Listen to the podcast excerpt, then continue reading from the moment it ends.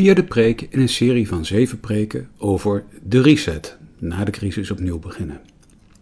Thema is feesten. De voorganger is dominee Jan Schele Goedhart. Het is opgenomen in de Noorderkerk te Amsterdam op 14 februari 2021.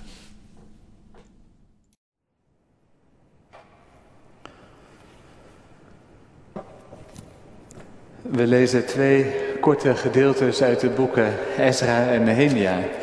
Eerst is dat uit Ezra 6, vers 16 tot 22.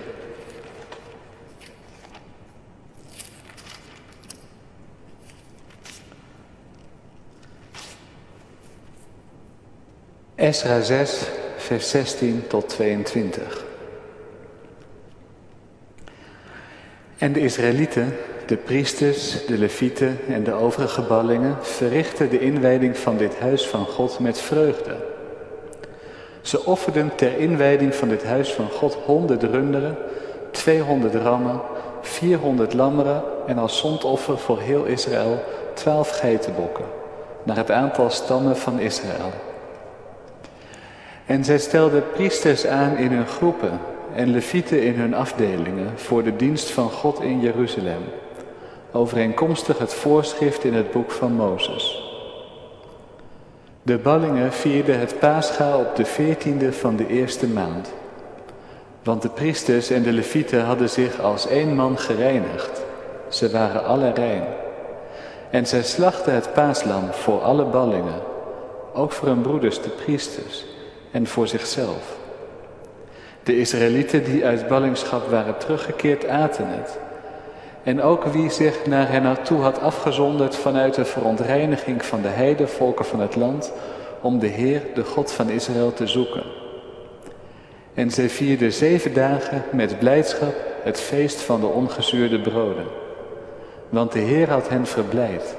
En hij had het hart van de koning van Assyrië in hun voordeel gewend, om hen te bemoedigen bij het werk aan het huis van God, de God van Israël. Amen. Dan lezen we verder uit Nehemia, Nehemia 8, vers 14 tot 19. En nadat we die versen gelezen hebben, zingen we Psalm 118, een psalm van Gods bevrijding ook. Nehemia 8. De volgende dag verzamelden zich de familiehoofden van heel het volk, de priesters en de levieten bij Esra, de schriftgeleerde. En dat om inzicht te krijgen in de woorden van de wet. Zij vonden in de wet geschreven dat de Heer door de dienst van Mozes had geboden dat de Israëlieten in loofhutten zouden wonen tijdens het feest in de zevende maand. En dat zij het overal zouden doen horen en een boodschap zouden laten gaan door al hun steden en in Jeruzalem en zouden zeggen, ga naar buiten, naar de bergen en breng loof van de olijfboom loof van de olijfwilg, loof van de myrte, loof van de palmboom en loof van andere dichtbebladerde bomen. Om loofhutten te maken, overeenkomstig wat voorgeschreven is. Toen ging het volk erop uit en ze haalden loof. En ze maakten loofhutten voor zichzelf, ieder op zijn dak en in hun voorhoven. En in de voorhoven van het huis van God, op het plein van de waterpoort en op het plein van de Ephraimpoort. De hele gemeente van hen die uit gevangenschap waren teruggekeerd maakte loofhutten en woonden in die loofhutten. Want zo hadden de Israëlieten niet meer gedaan vanaf de dagen van Jozua, de zoon van Nun, tot op deze dag. Er was zeer grote blijdschap. En men las dag aan dag voor uit het boek met de wet van God, vanaf de eerste dag tot de laatste dag en ze vierden zeven dagen feest. En op de achtste dag was er een bijzondere samenkomst, volgens de bepaling. Amen. Dit is het woord van God.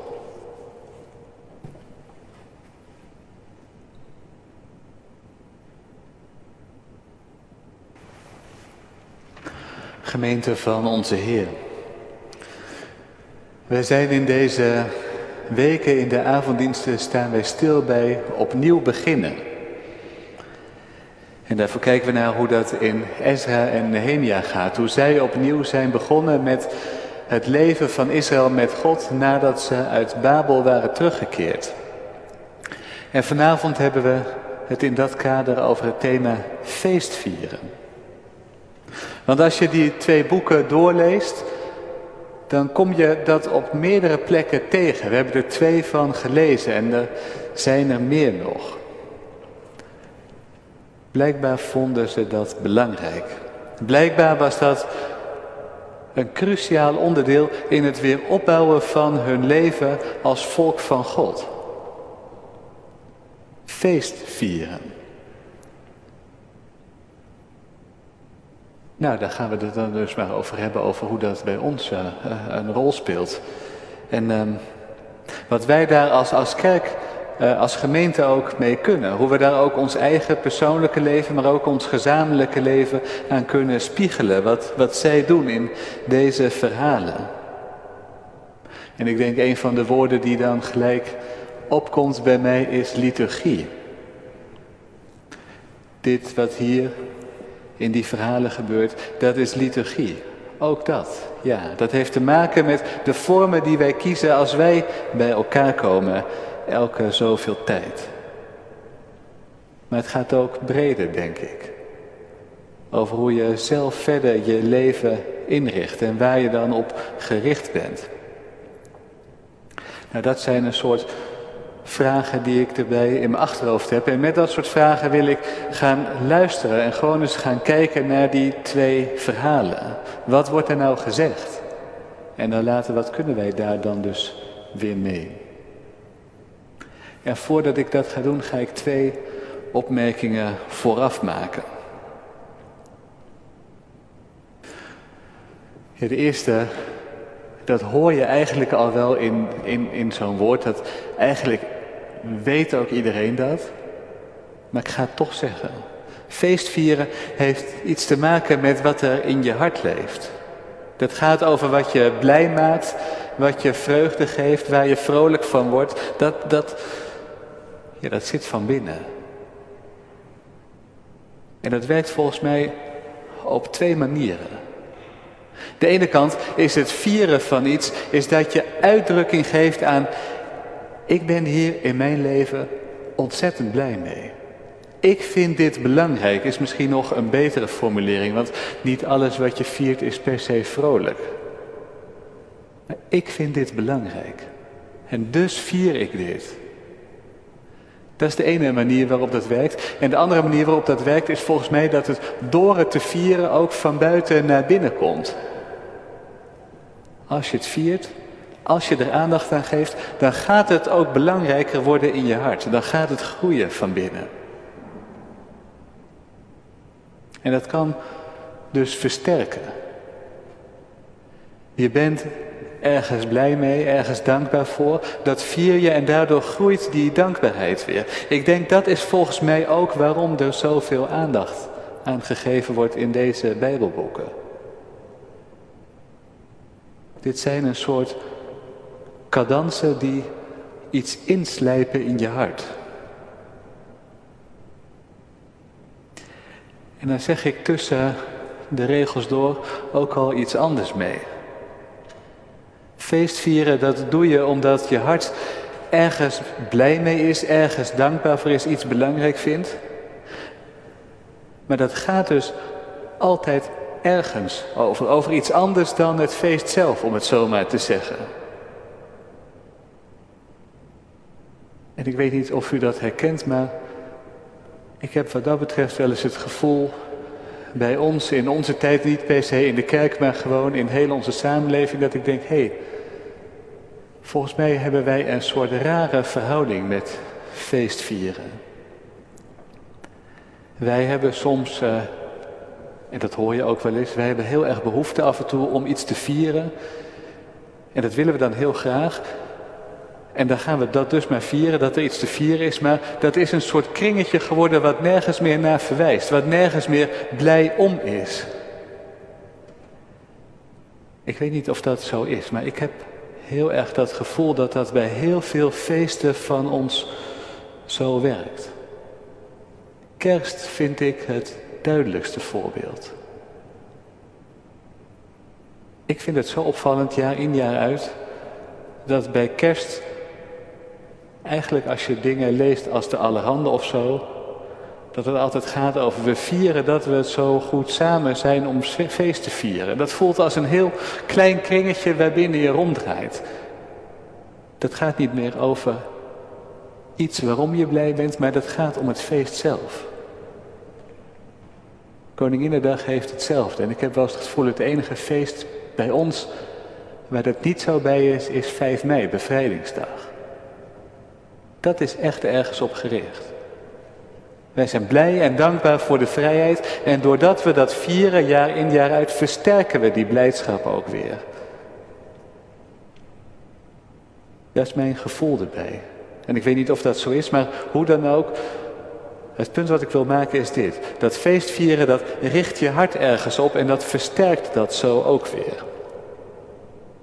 Dat is mijn eerste opmerking vooraf erbij.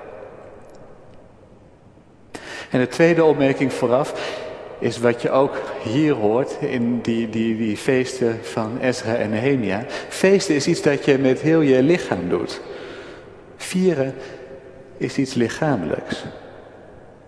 Dat heeft te maken met lekker eten en drinken en met muziek en wie weet met dansen en zingen. Um, maar dat zijn allemaal dingen die herinner je je op een diepere manier dan alleen maar woorden die in je hoofd binnenkomen. Ik denk bijvoorbeeld daarom dat we zingen in de kerk ook zo missen. Want dat is als we hier bij elkaar zijn een van de meest lichamelijke dingen die we doen. Als we zingen gaat dat dwars door ons heen. En dat is heel anders dan alleen maar luisteren. Protestanten zijn daar eh, van ouds slecht in. En er zit natuurlijk een verhaal, een gedachte achter die, die ook belangrijk is. Maar dat dreigt soms ook wel te worden dat geloof een soort zaak van je hoofd alleen wordt. En dat de rest van je lichaam en daarmee ook je hart er wat bekaaid van afkomt. En dan noem ik weer even kerst als voorbeeld. Um, het is niet zo gek, denk ik, dat je de sfeer, de lichtjes, de muziek, het eten, dat je dat beter blijft herinneren en er meer naar uitziet dan naar de woorden van de preek. Nee, want sommige dingen gaan meer door je lichaam heen dan andere. Ik denk dat wij daar niet zo goed in zijn als kerk om daar aandacht aan te geven. Aan die dingen die je dieper kunnen raken dan woorden en dan, dan, dan je hoofd. Dat is de tweede vooropmerking. Dit gaat over wat je met je hele lijf doet. Nou, dan ga ik gewoon eens kijken. Wat valt me nou op in die, die, die, die twee hoofdstukken? Eerst is Ezra 6. Ze gaan Pesach vieren. En let eerst op wat ze gaan vieren. Het eerste feest wat ze gaan vieren als ze terug zijn uit de ballingschap, is dat oude feest van de bevrijding uit Egypte. Want dat is het. Pascha, Pesach. Pesach is dat feest waarmee ze zich herinneren, God heeft ooit de koning van Egypte vermurfd, zodat hij ons liet gaan en wij vrij waren.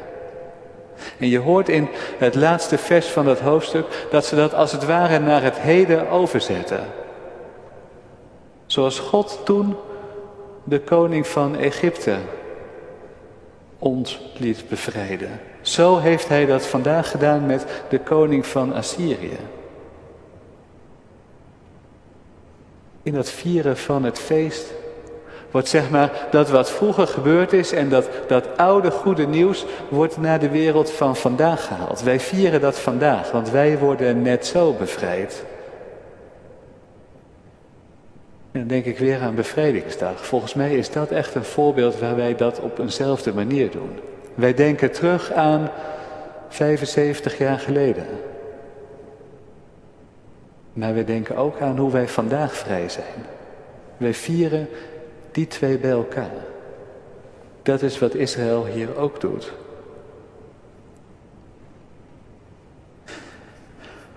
En als je dat weet, dit is het feest van de bevrijding van God die zijn volk uit, Israël, uit Egypte bevrijd heeft van de onderdrukking, dan valt er nog iets op.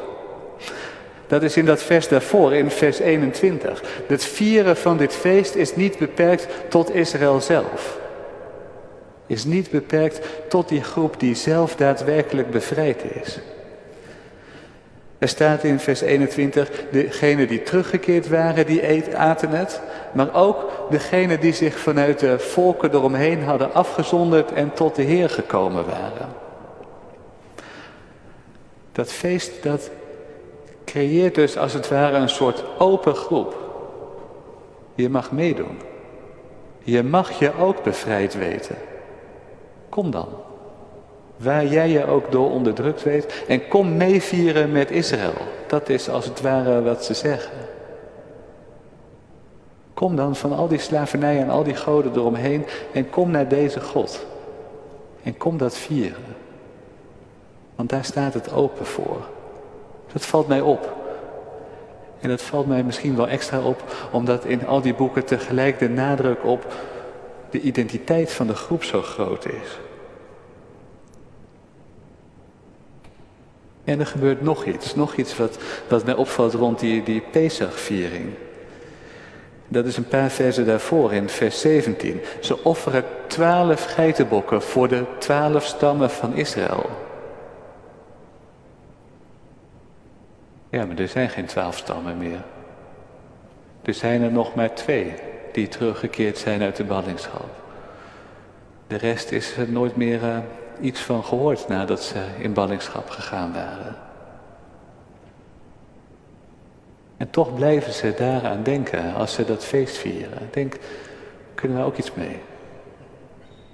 Wij hebben ook allerlei groepen en mensen waarvan we weten, ja, die zijn verdwenen die doen niet meer mee eigenlijk en we weten niet meer waar ze zijn.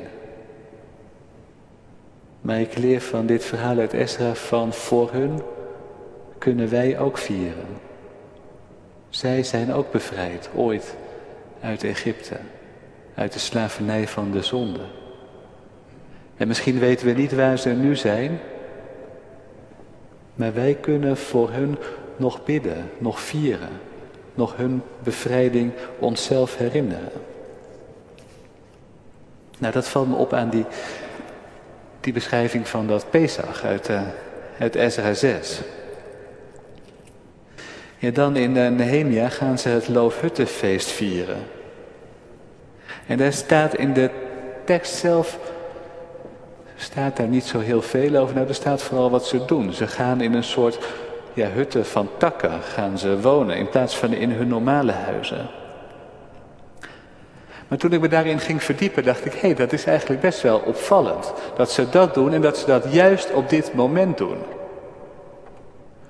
Dat Loofhuttenfeest, dat is een feest in de cyclus van het jaar van Israël aan het einde. Als de oogst binnen is. Als je dus als het ware het werk gedaan hebt en je kunt gaan genieten van dit hebben we weer gepresteerd. En dat is ook het moment waarop ze dat vieren in die boeken. Als het weer een beetje loopt daar in Jeruzalem. De muur is voor een groot deel herbouwd en de tempel staat weer. Als het allemaal weer een beetje goed gaat, dan gaan ze dit vieren. En wat ze dan doen is dat ze als het ware een stapje terugzetten. Als het ware dat ze zeggen, wij zijn nu waar we naartoe willen. Maar om dat te vieren zetten we een stapje terug alsof we er nog niet zijn. Alsof we weer in de woestijn zijn.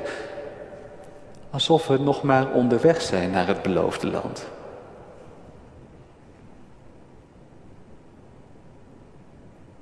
Ja, ik dacht met een voorbeeld, dit is een soort eh, anti-housewarming party. En wij hebben natuurlijk die gewoonte van als je huis af is en je bent verhuisd en je zit er, dan ga je dat vieren. Van we zijn er en nu is het klaar. En dat Loofhuttenfeest is als het ware precies omgekeerd.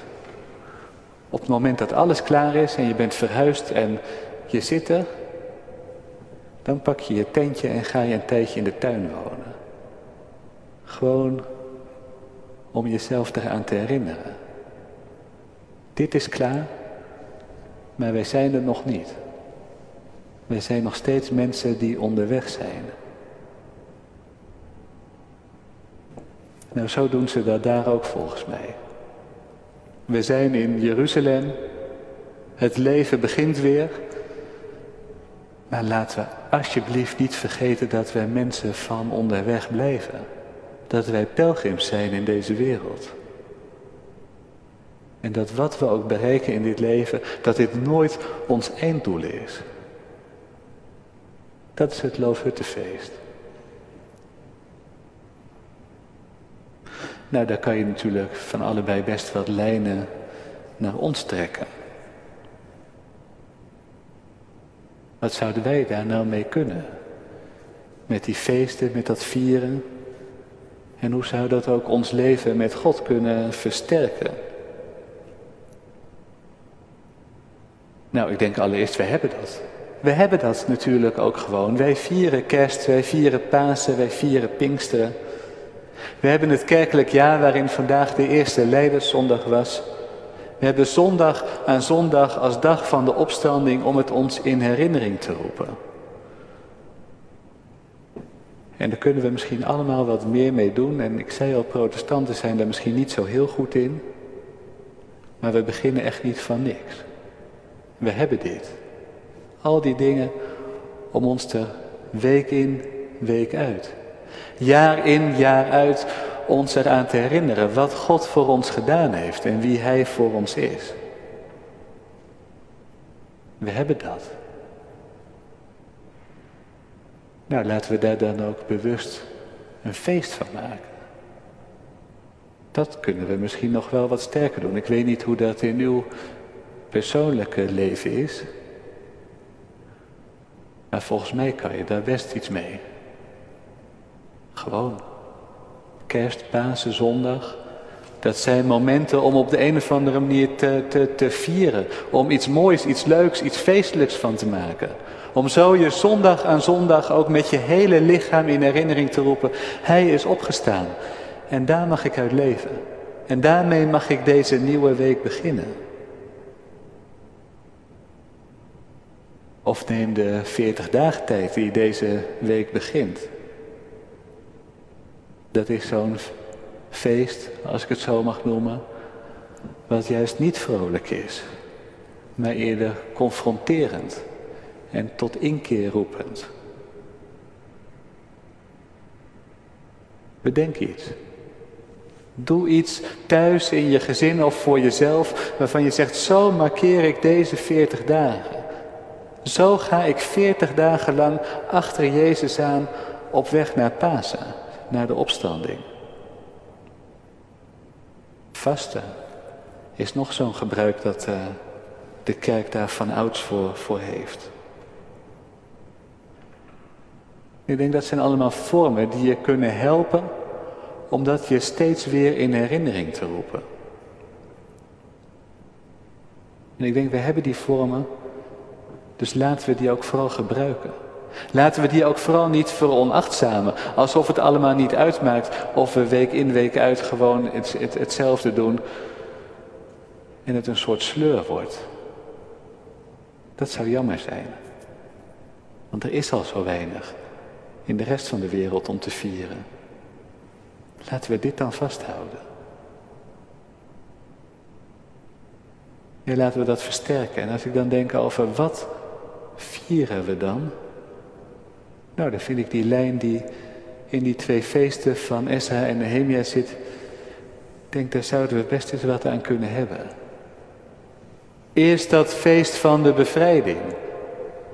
Pesach, Pasen, maar ook de zondag, de dag van de opstanding. De dag dat hij leeft en de dood overwonnen is en voor de zonde betaald. Dat is elke week reden voor lekker eten en mooie muziek. Laten we het daar maar op houden om te vieren. Zodat je tot diep van binnen voelt, ja, dit wil ik. Hier leef ik uit.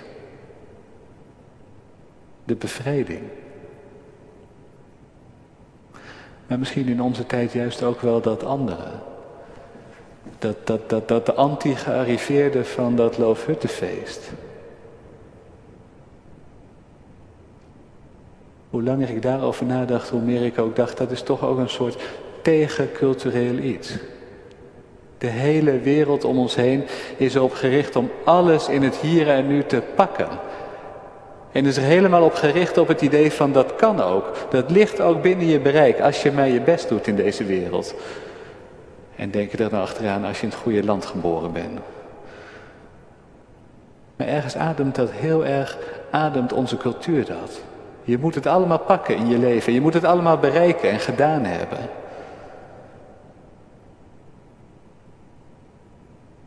En dan denk ik, laten wij ons vooral bewust blijven dat we er niet zijn. Dat wat we ook bereiken, wat we ook doen en wat we ook vinden, dat ons echte doel dat dat ergens anders is. Dat we ons leven lang naar God toe leven. Er zijn vast mooie vormen voor te verzinnen. Ik moest bij dat hoe ze dat letterlijk doen, dat in die loofhutten eh, wonen. Denken aan de Nacht zonder dak van Tier. Ik weet niet of u dat idee kent. Dat was een actie voor, voor mensen in armere landen. En dan ging je, hier in Nederland gingen mensen een nacht buiten slapen. In de kou in de winter meestal. Als een soort herinnering aan, ja, wij hebben het vreselijk goed. Maar dat is ergens anders wel anders. Ik moest daaraan denken bij dat Loofhuttenfeest, want zoiets gebeurt daar. Je doet iets wat je in herinnering roept hoe ontzettend goed je het hebt. En dat je in herinnering roept dat dat het toch nog niet helemaal is. Advent is in de kerk zo'n periode. Een periode van toeleven na. Een periode van steeds weer zeggen, wij zijn er nog niet, maar wij verwachten zijn komst. En zo geldt dat ook voor de 40 dagen tijd. Wij leven toe naar Pasen. Maar wij zijn er nog niet. Komende week gaat dat eh, beginnen. Die weg naar Pasen toe.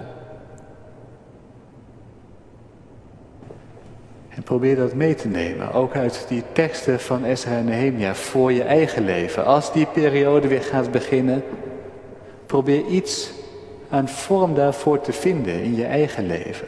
Om jezelf er met je hele lichaam en je hele ziel bij te bepalen. Dat Jezus daar voor ons uitgaat.